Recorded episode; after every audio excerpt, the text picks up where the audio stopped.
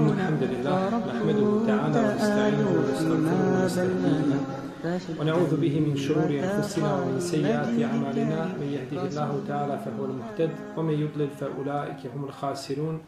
وأشهد أن لا إله إلا الله وحده لا شريك له. وأشهد أن محمدا عبده ونبيه ورسوله وصفيه من خلقه وخليله. يا أيها الذين آمنوا اتقوا الله حق تقاته ولا تموتن إلا وأنتم مسلمون. يا أيها الناس اتقوا ربكم الذي خلقكم من نفس واحدة وخلق منها زوجها وبث منهما رجالا كثيرا ونساء واتقوا الله الذي تساءلون به والأرحام إن الله كان عليكم رقيبا. أما بعد فإن أصدق الكلام كلام الله تعالى وخير الهدي هدي محمد صلى الله عليه وسلم وشر الأمور محدثاتها وكل محدثة بدعة وكل بدعة ضلالة ثم أما بعد. Od stvari koje su Allahov tebarak je oteala sunnet na zemlji i koje se ne mijenjaju jeste da kada jedan narod postane objesan, prekorači sve granice u zlu, da ga uzvišeni Allah tebarak je oteala kažnjava. Ta kazna može biti manifestovana na jedan ili na drugi način, ali u svakom slučaju biva kobna po to društvo. Pa smo tako imali prilike vidjeti prije znači nekoliko dana šta se desilo stanovnicima Japana, te napredne ekonomski razvijene zemlje, kako uzvišen je Allah te barak je oteala sva ta bogatstva učini znači bezvrijednim i sve što ljudi posjeduju učini znači ništavnim, tako da ostanu znači bez ičega. Mi muslimani želimo ljudima dobro. Bili oni muslimani ili nemuslimani. I ono što može musliman željeti ljudima, ne može niko željeti. Jer im želi sve najbolje. Od primanja islama, da se spase i na dunjalu koji na ahiretu, pa dalje od hajrata i od dobra koje, koje čovjek može, ili koga mogu, koje ga mogu zadesiti na ovome svijetu. No međutim, ljudi svojim postupcima uzroče da budu kažnjeni. Japan je od vodećih zemalja u borbi protiv islama i protiv muslimana. Samo na jedan skriven, perfidan način. A to najbolje dokazuje njihovo ubjeđenje i njihove molbe, molbe budi i znači njihova stajanja, skrušenost njihova pred kipovima koji oprilike prilike da ih gleda kako se mole. Nisam odavno vidio vjernike da skrušenije stoje pred Allahom azuđelu namazu, što sam vidio da oni skrušeno stoje pred budom. Ono znači što je specifično Allahu te barek tada skrušenost da se pred njim tako, tako su oni stojali, znači i širk činili. A poslanik sam kaže, kao što ćemo doći u hadisu, našem predavanju, pazite se sedam velikih grijeha i prvo što je spomenuo je Allah te barek tada kažnjava ljude, to je najteži grijeh koji se može učiniti, jeste širk. Da ne govorimo, znači, grijehe druge koje su ti ljudi činili, gnusna dijela, koja razum čovjeka ne može pojmiti. Znate li, braćo, da je u Japanu najljepši specialitet koji se može ponuditi negdje u restoranu, fetus, embrion koji žena pobaci, koji se izvadi abortusom ili iziđe prirodnim putem, nije bitno, da je to, kada se to pripremi kod nje, da je to najskuplji specialitet koji se ljudima stavlja da se jede. Može li, može li čovjek takvo nešto pojmit? Iako je poznato da ljudsko meso se ne može jesti. Nikako, znači niti ukusa, smrdi, ne može čovjek, priroda čovjeka to odbija da to jede. Kod nje je to najbolji specialitet, ljudsko meso. Tako da su mačke i psi i zmije i slično tome, to je prevaziđeno, to je sitnica. I onda ljudi očekuju, pa uzvišeni Allah te barak tala kažnjava na zemlji. Ne dozvoljava da se na zemlji nered čini i da se zločini. I to treba biti pouka prvo muslimanima, pa onda i nemuslimanima, da kada se pređu Allahove azzawajal granice, da treba očekivati Allahovu kaznu. A njegova kazna kada zavisi ljude, onda više im ne koristi, znači, kajanje. Mi smo došli, braćo, do poglavlja Babu Mađaje fi Sihar. Poglavlje šta se navodi o sihru. I u nekoliko naših narednih predavanja govorit ćemo o sihru. I onome što se znači veže za sihr.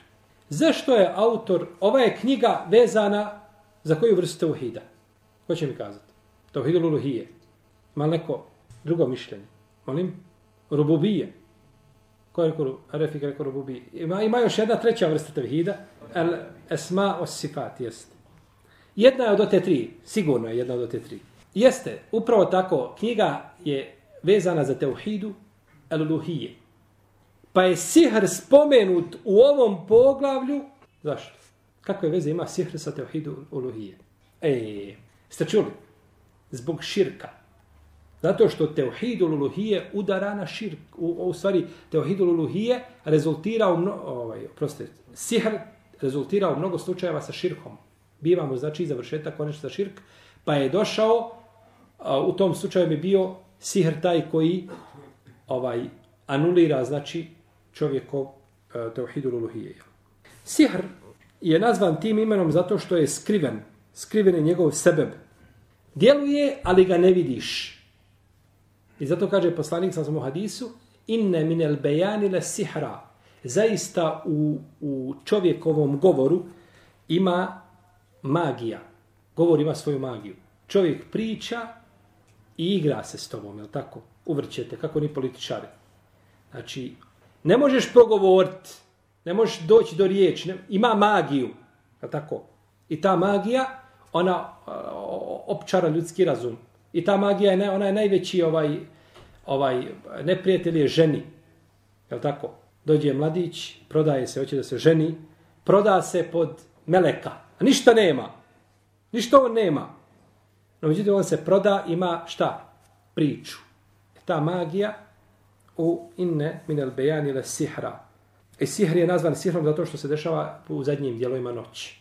Znači, kada je, to je to šeitansko vrijeme, kada je tama, kada se šeitan, kada se znači ovaj sihr najlakše upražnjava. Kaže Ebu Muhammed al-Makdisi u svom dijelu al-Kafi, sihr je taj koji opčarava ljude i koji djeluje na njihova srca i tijela.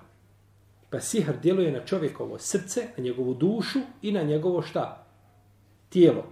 Znači ima dvojaku ulogu, kao što smo danas govorili, na hutbi da kaburski azab djeluje i na tijelo i na dušu. E tako znači i ovdje može čovjekov razum biti u redu, ali je tijelo stradalo. Ili može biti tijelo u redu, ali je razum. A može biti jedno i drugo. Pa ponekad se čovjek znači razboli, a ponekad ga i ubije. Ponekad ga sihr i ubije. Ponekad sihrom se razdvajaju suprug i supruga. Znači, to je jedna od vrsta sihra koji su jako rašireni. Bilo da je spajanje ili razdvajanje. Goćemo, to je vrsta sihra, doćemo do nje. Spajanje i razdvajanje supruga putem čega? Sihra. Putem sihra. Fe je te'allemune minhuma ma yufarrikune bihi bejnil mar'i o zauđe. Kako došlo u od tebe o matetlu šejatin ala mulki Sulejman. Oma kefara Sulejmanu, walakinne šejatine kefaru juallimune nase sihr, oma unzire ala melekeni mi babile harute o marut.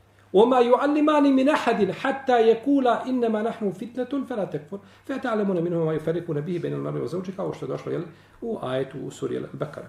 Kaže فيتعلمون منه ما يفرقون به بين المرء وزوجه pa su poučili se od njih ono čime su razdvajali između muža i žene.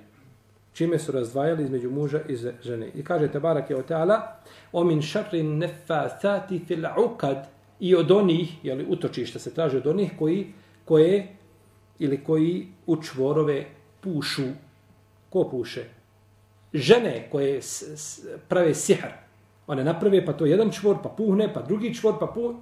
Znači u čvorove pušu, jer na takav način prave šta? Prave sihar. Ovdje uzvišenje Allah te bar traži da, da, da se mi utječemo od onih koje šta u čvorove pušu. Pa da sihr nema svoju stvarnost, ne bi tražio od nas da tražimo uzvišenje Allah traži od nas utočište. A to je kao da sad neko traži utočište od zmaja. Mali zmaj. Nema zmaj, izmišljeno, da se ljudi plaše zmaja. Zmaja nema. Kako će mogu tražiti utočište od nečega što ne postoji? Allah azza wa džel kada traži od nas da tražimo utočište, traži, utoči, traži utočište od nečega što postoji i što ti može šta? Allahom dozvolom nauditi, al tako?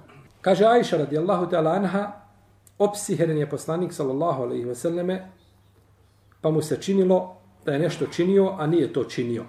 Braćo, kod Buharije i muslima i kod drugih hadis zbirkama došlo da je poslanik sasvim opsihren. I ovo su osudili neki koji sve važu razumom. Koji god hadis dođe, on ga prvo pusti kroz razum svoj. I ako ga razum prihvati, on kažu kako je poslanik sa mogao biti opsihren, Znači, ako je bio opsihren u stanju opsihrenosti dok je bio poslanik, dolazna je objava. u stanju opsihrenosti on je primao objavu. Dakle, mi svaki ajet koji je došao možemo sumnjati da je eventualno došao šta? I ja tebi kažem, uzvičeni Allah kaže u Kur'anu, kul huvallahu ahad, kažeš, jeste, jehi, ali postoji povučiti da je taj ajet spušten, a poslanik bio opsihren. Ja kažem, ne znam, ajet, inna alladhina amanu wa amilu salihati kanat lahum jannatul firdaus nuzul kaže jeste lijepo tačno je tako ali možda je bio poslanik opsihren i nema vrijednosti šta cijela knjiga nema vrijednosti je tako Poslanik sa je bio opsihren i činilo mu se da čini nešto što ne čini. U drugoj predaji da prilazi svojim suprugama nije prilazio. To je sve što je sihr mogao djelovati na poslanika sa šta? Da mu se pričinjava da nešto čini, a ne čini. Jel u redu? Druga stvar. Ako mi kažemo da je poslanik sa osaname opsihren bio i vjerujemo u Kur'an i u sunnet, pa i Kur'an i sunnet ukazuju da je poslanik sa osaname ne pogrešiv, jel tako, u prenošenju objave. I da nema ništa allemehu šedidul kuva. Ha. Oma jentiku anil heva in huwa ila wahyu juha. Ne govori po svojim protivima. Šta? To je objava koja mu se obznanjuje. I poslanik sam nema ništa u svojoj ruci. Pa nije mogao, znači, pogriješiti u prenošenju čega? Objave. Nije mogao pogriješiti u prenošenju, sallallahu sallam, objave. Pa kaže, činilo bi se da, da nešto radi, a nije to radio, A, pa je rekao toga, toga dana Ajš, jednog dana, kaže, došlo su mi dva meleka. Jedan je sjeo kod glave, a drugi je sjeo kod nogu. Pa kaže jedan drugome, šta je ovome čovjeku? Kaže, boli ga. Šta mu je? Kaže, matbub, opsihren je. Kaže, omen tabbehu, a koga je opsihrio? Kaže, Asam ibn Lebid. Kaže, el Asam ibn Lebid. Ili Lebid ibn Asam. Lebid ibn Asam, židov. Lebid ibn Asam kaže, opsihrio ga je sa češljem i dlakama koje su bile na češlju i čaškom muškog palminog cvijeta. Potom je spomenuo bunar Zerwan, koji je bio bunar jeli, plemena Benu Zurej, Zurejka. To je opsihrenje i stavljenje, znači u taj bunar, ovaj sihr, koji je uradio ovaj židov koji je bio specijalac za sihr. Pa je, kaže Ajša radijallahu ta'ala, Allah poslije, što ne odeš pa ne izvadiš to? Kaže, mene što se tiče, Allah me izliječio. Kaže, neću da uznemiravam ljude s tim. Ali je došao kod tog bunara, kaže, a njegova voda kao da su, kao da su, kao da je kna ona rastopljena u njoj, a okolo palme koje su oko bunara kao da su šeitanske glave. Tako je, znači, jel? Takav je, takav je sihr. Pa je uzvišen Allah te barak izlečio poslanika, sallallahu sallam, od toga. Dalje, došlo je da kaže, mene je, posla, mene je uzvišen Allah izlečio. Da je slučajno nešto poslanik rekao pogrešno, što je nemoguće. Ali eto, da, da idemo sa linijom šta ovih koji poriču hadise iz Buharije svojim razumima, da je poslanik sa pogriješio nešto u tome, bi Allah dozvolio da to pređe greška da se... Uma kjana rabu kenesija, tvoj gospodar ne zaboravlja, Ako je poslanik zaboravio i pogriješio, pa nije tvoj gos, nije gospodar poslanikov ni zaboravio ni pogriješio. A kažemo svakako to se ne može desiti Rasulullahu sallallahu alejhi ve sellem u pitanjima znači prenošenja objave.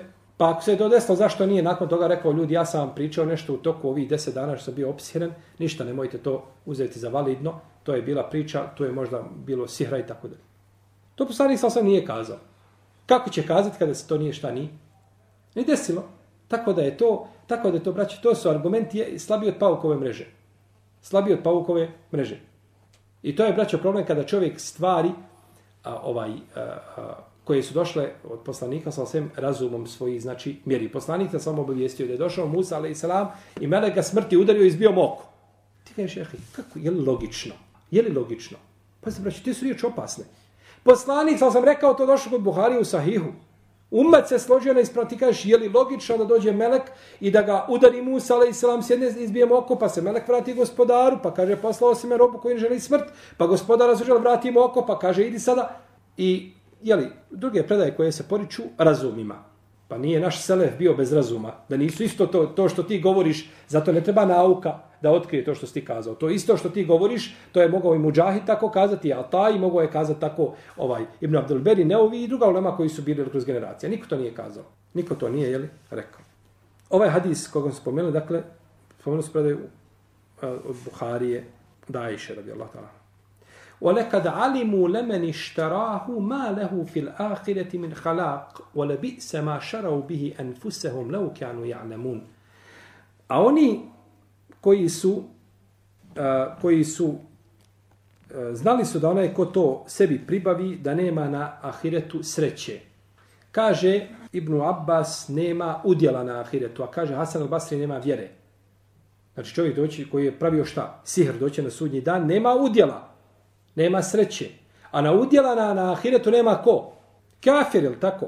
Musliman ima udjela koliko god da bilo, pa bar malo, ko umre, a imao koliko od zrnog rušce, la ilaha illallah u svome srcu, znači, ovaj, imana, ući u džanet jednog dana. On nije da nema, on nema na ahiretu nasib, ima, ima taj svoj udio. No, međutim, može biti udio u vatri, ali ovaj nema udjela nikakvog. Ovo će nam koristiti kada budemo govorili o pitanju čega? Da li je sahir musliman ili je šta? Ili je nevjernik da li je počinio nevjerstvo tim svojim jeli, postupkom. Pa ovaj ajet neminovno ukazuje na da je rad, znači da je sihr i da je bavljenje sihrom haram i da je to znači bez sumnje zabranjeno. I to je, kažu, bilo zabranjeno u svim vjerama. To je bilo, braće, zabranjeno u svim vjerama. Jer jednostavno stvari imaju neke... Ono što se dokida, braće, od šarijata do šarijata jesu propisi. Ali ahlak se ne može dokidati. Ne može biti da je u jednom šarijatu ovaj a, lijepo da čovjek bude ovaj da ima jednu lijepu osobinu i svojstvo, iskrenost na primjer, a u drugom da je pohvalno da laže. Što više laže bolji vjernik. To ne može se ahlak dokidati. Ahlak se ne dokidaju se vijesti. Oprostite, dokidaju se propisi. Vijesti i ahlak se ne mogu dokidati. A da kažemo, Nuhov, ali se nam narod bio tako, tako i tako, i onda dođe vijest, kažu dokinula, pa nije to, to je dok, to je laž. Dokidaju se propisi, a ne mogu se dokidati, znači, vijesti i ahlak. Tako da je ovaj, ovaj znači, sihr, on je zabranjen bio, znači, kako u našem, kako u našem šarijetu, tako je zabranjen i u drugim, i u drugim šarijetima. Dobro, šta je sa čovjekom koji čini sihr? Je li on time izlazi okvira islama ili biva i dalje musliman? Uzvišeni Allah te barak tala kaže u Kur'anu وَلَا يُفْلِحُ السَّاحِرُ حَيْثُ أَتَى I neće sihirbaz uspjeti gdje god da došao. Neće sihirbaz uspjeti gdje god da došao. Ovo, braćo, neće sihirbaz uspjeti gdje god da došao. Bilo, gdje god da dođe, gdje god da se pojavi, neće uspjeti. Pa čak ni na ahiretu. Gdje god da se pojavi sihirbaz, ne može uspjeti. A ne može uspjeti samo ko? Nevjernik. Kafir ne može uspjeti nikada. Znači, neće uspjeti nikada. I zato je određeni islamski učenjaka kazao da onaj ko poučava sihr, poučava nekoga sihru, ili se poučava sihru da je time izišao iz okvira islama. Ima jedan hadis u kome uh, Safan ibn Sulaim kaže da je poslanik sa osanem rekao men te aleme mine sihri kalilen kane u kethiran kane ahire ahdihi min Allah. Kaže, ko se pouči sihru, bilo malo sihra ili puno, je li bilo je, znači, nekakav veći sihr ili manji sihr, kaže, to je, a time je prekinuo i tu se kida veza između njega i Allaha.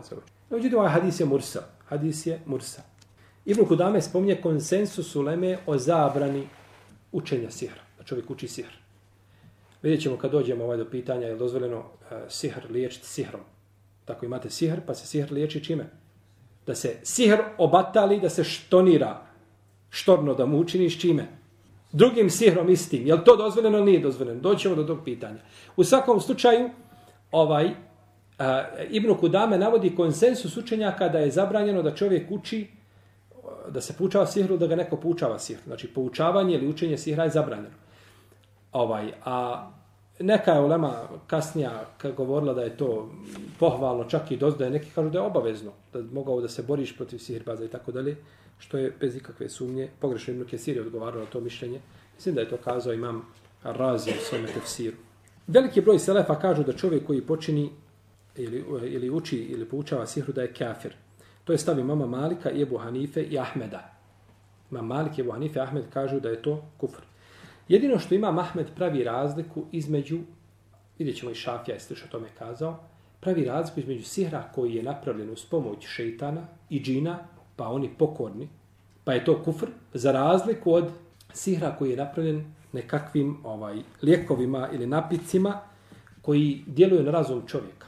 Popije čovjek razum, popije čovjek napitak određeni koji mu je neko tamo spravio nečim, bez ikakvih pomagala šeitansko-džinski u redu, popije to i onda opčara njegov razum i onda ga možeš igrati se sa njim kao malim djetetom. Ništa ne razumije opsihren. Ta vrsta sihra kod imama Ahmeda nije kufr. I slično je tome kazao imam Šafija. Kaže, kada nam dođe neko i učini sihr, pitaćemo, kaže, kažemo mu, opiši nam sihr. Kakve vrste sihr? Šta je sihr? Pa kada opiše sihr, ako u njemu kaže ima kufrijata, kao da ono što su a, bili ubjeđeni, znači e, stanovnici Babila, a, koji su vjerovali u Babil je veliki jedan grad u, u Iraku. Ima i dan danas kažu da imaju tragovi tog, tog grada s ostali. Bio je na, na, na, na a, Eufratu, je bio ovaj, na obali.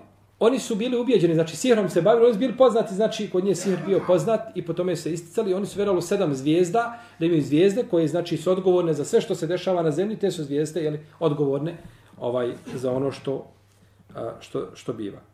Pa ako bude ovaj, jer oni su smatrali, braćo, da te zvijezde daju sve što se traži od njih. Znači sve što zatražiš, sve što dobiješ, znači dobijaš od tih zvijezda. Što je znači bio li jasan očit širk. A kažu to, kaže Šafija, to je širk. A ako nije širk, kao ovi napici pripreme u redu, onda ako čovjek ga smatra dozvoljenim, opet je kafir. Razumijete? Hajde ponovim.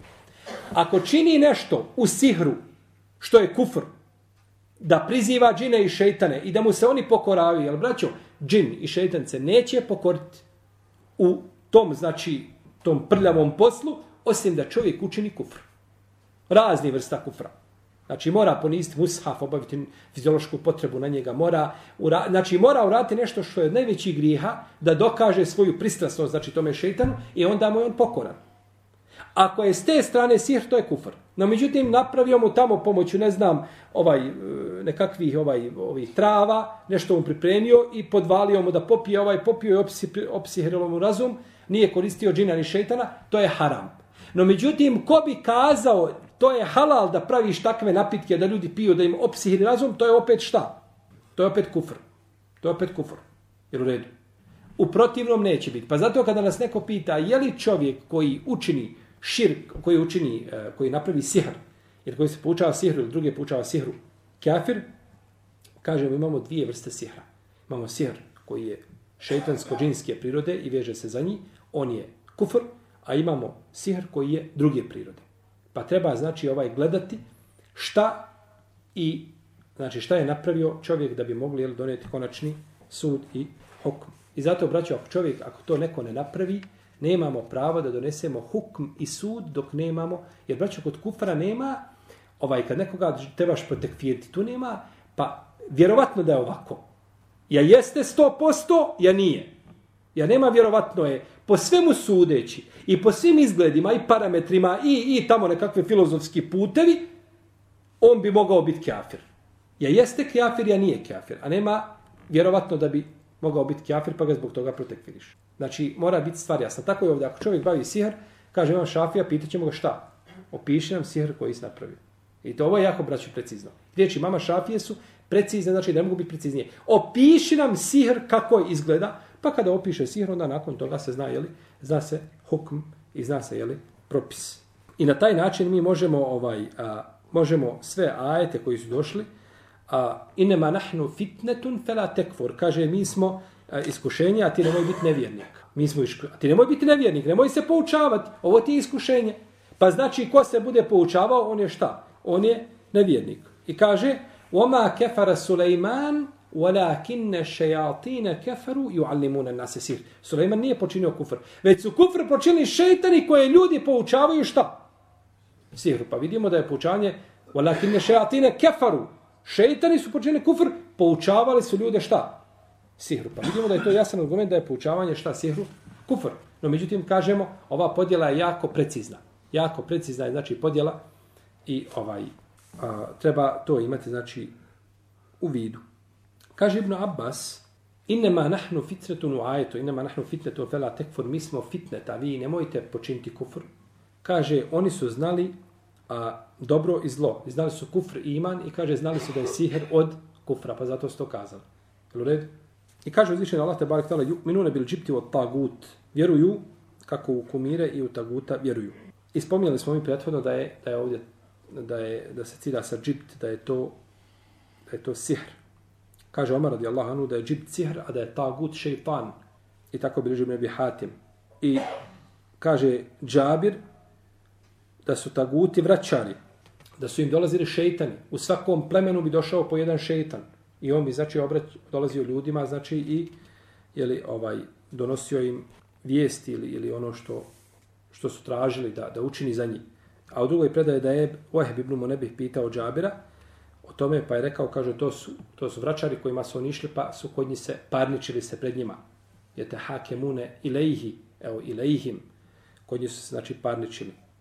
I bilo je u svakom plemenu je bio po jedan i dolazio svim šeitem. Džabir ibn Abdullah je, mm, jeli, poznati ashab od Ensarija, umro je 74. ili 77. hiđarske godine. Kaže, ovo su šeitani koji su dolazili ljudima. Šeitan je dolazio ljudima. Kaže se, ne misli se na Iblisa, braću. Misli se na vrstu šeitansku. Jedan od šeitana je, znači, dolazio njima. A, pa bi dolazili sa vijestima, kao što smo govorili, da se šta penju jedan na drugoga i kradu vijesti. I onda ti kaže jednu, a uz nju prihefta stotinu laži. Pa ti jednu kaže istinu, a uz to ti prihefta šta? Stotinu neistina i stotinu i stotinu laži. Prenosio se Debu Hrere da je poslanik sallallahu sallam rekao, kaže, klonite se, klonite se sedam velikih grijeha. Klonite se sedam velikih grijeha.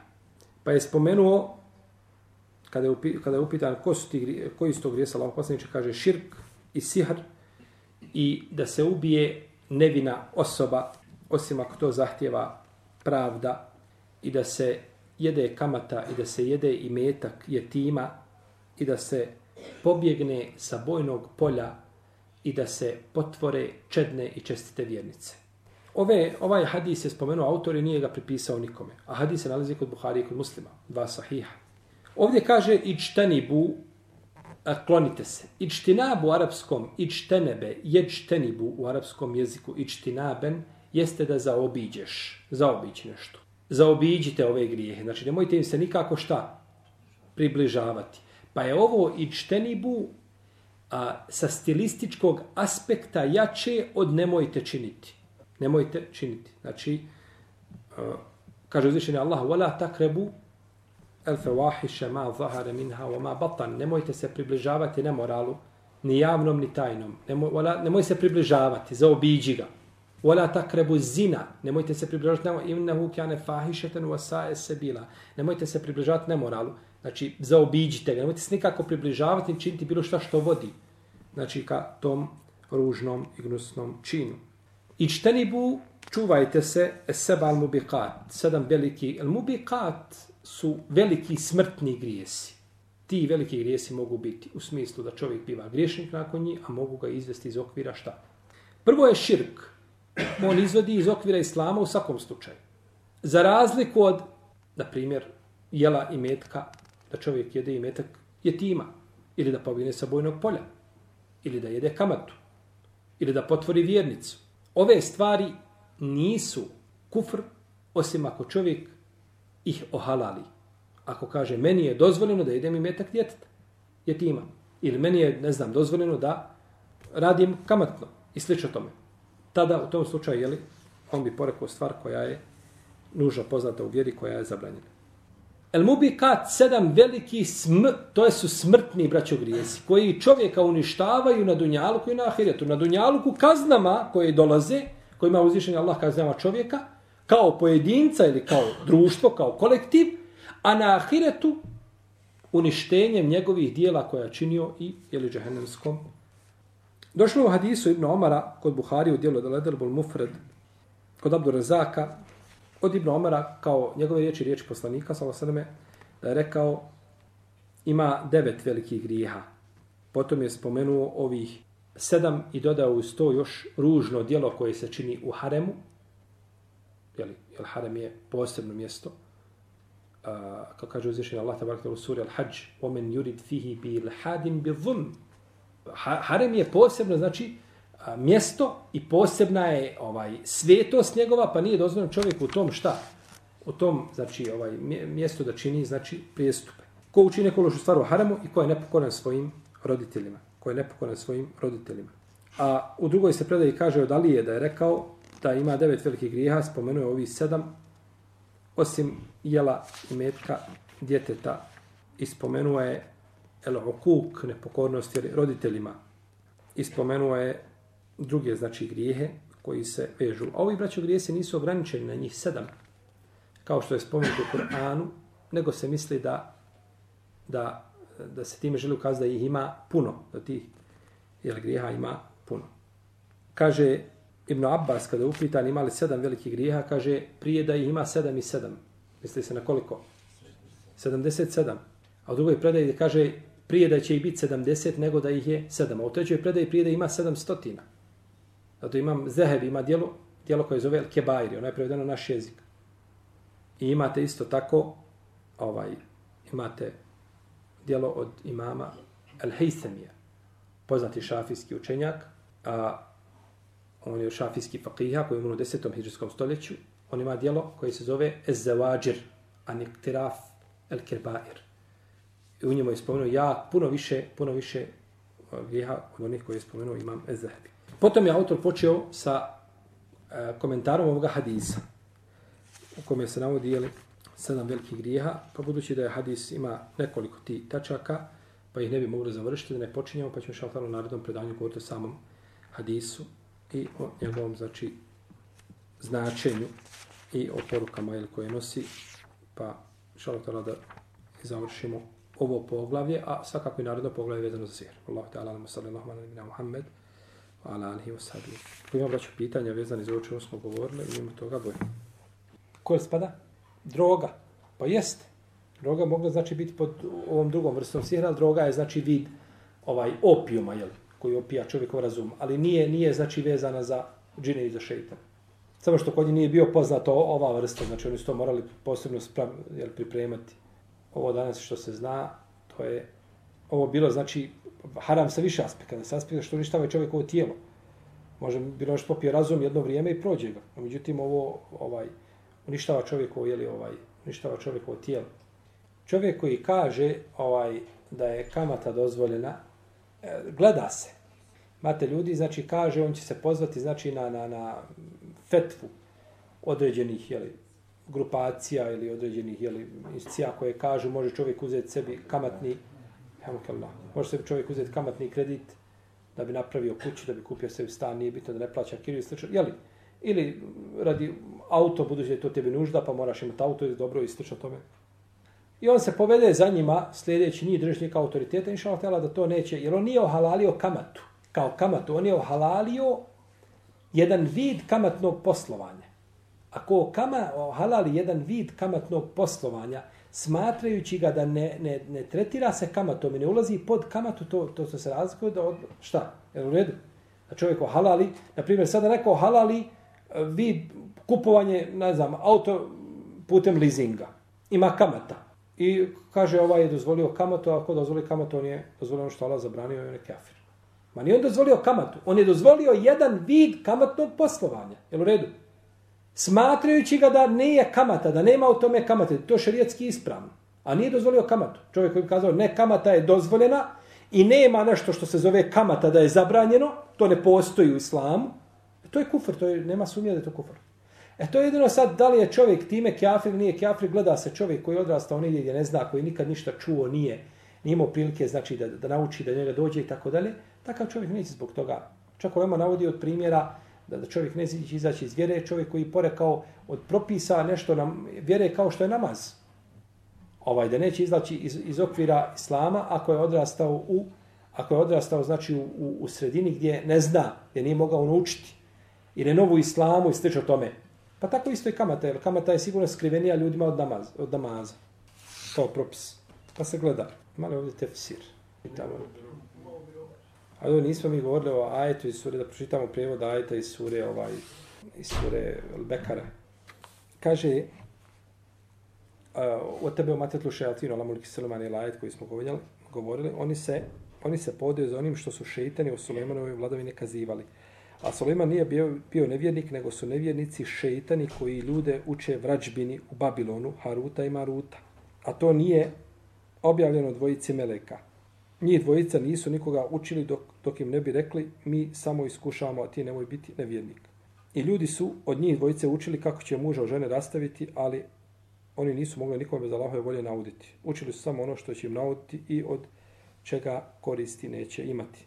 I tako su znali da onaj ko sebi pribavi na drug, e, ko sebi pribavi, ko to sebi pribavi, misli se na sihr, da na drugom svijetu neće a, nikakve sreće imati. Dosta je jadno ono što su sebi, zašto su sebe prodali kada bi samo znali. Znači, uzvišen je Allah Tebar poslao ove meleke kao iskušenje ljudima. Oni nisu nikada poučavali nego Allahom da, znači to je bilo, to je vidi iskušenje, ali oni su ljudima kazali, je tako? Otvo, otvoreni sam ti neprijatelj, otvoreni smo, mi smo otvoreni neprijatelj, nemojte ovo uzimati od nas, nemojte se tome poučavati. Pa su oni pored toga, znači se, ljudi su to prihvatali. Kao ti, ti kad dođe na duhanu, ti piše pušenje šteti za zdravlje, tako? I pored toga ljudi, znači, kaže ti, daj ti se, duhan ti se obraća da ti šteti, ti pored toga koristiš što konzumiraš, što? Tako je to došlo ljudima i braći uzvišeni Allah zbog toga konačno s te stvari strane stvorio šeitana. Da postoji šeitan i da ljude poziva na zlo, a da oni su dužni da mu se znači, suprostave i da mu se ne odazovu. Pa komu se odazove, bit će šta? Biće, kažem, pa isto tako bilo znači i sa ovim ljudima koji su prihvatili poučavanje sihr. Pa dođe do još nejasnoća vezani za sihr, ali to ćemo doći znači kroz, kroz sami govor o sihru, ima tu još znači mnogo detalja koji su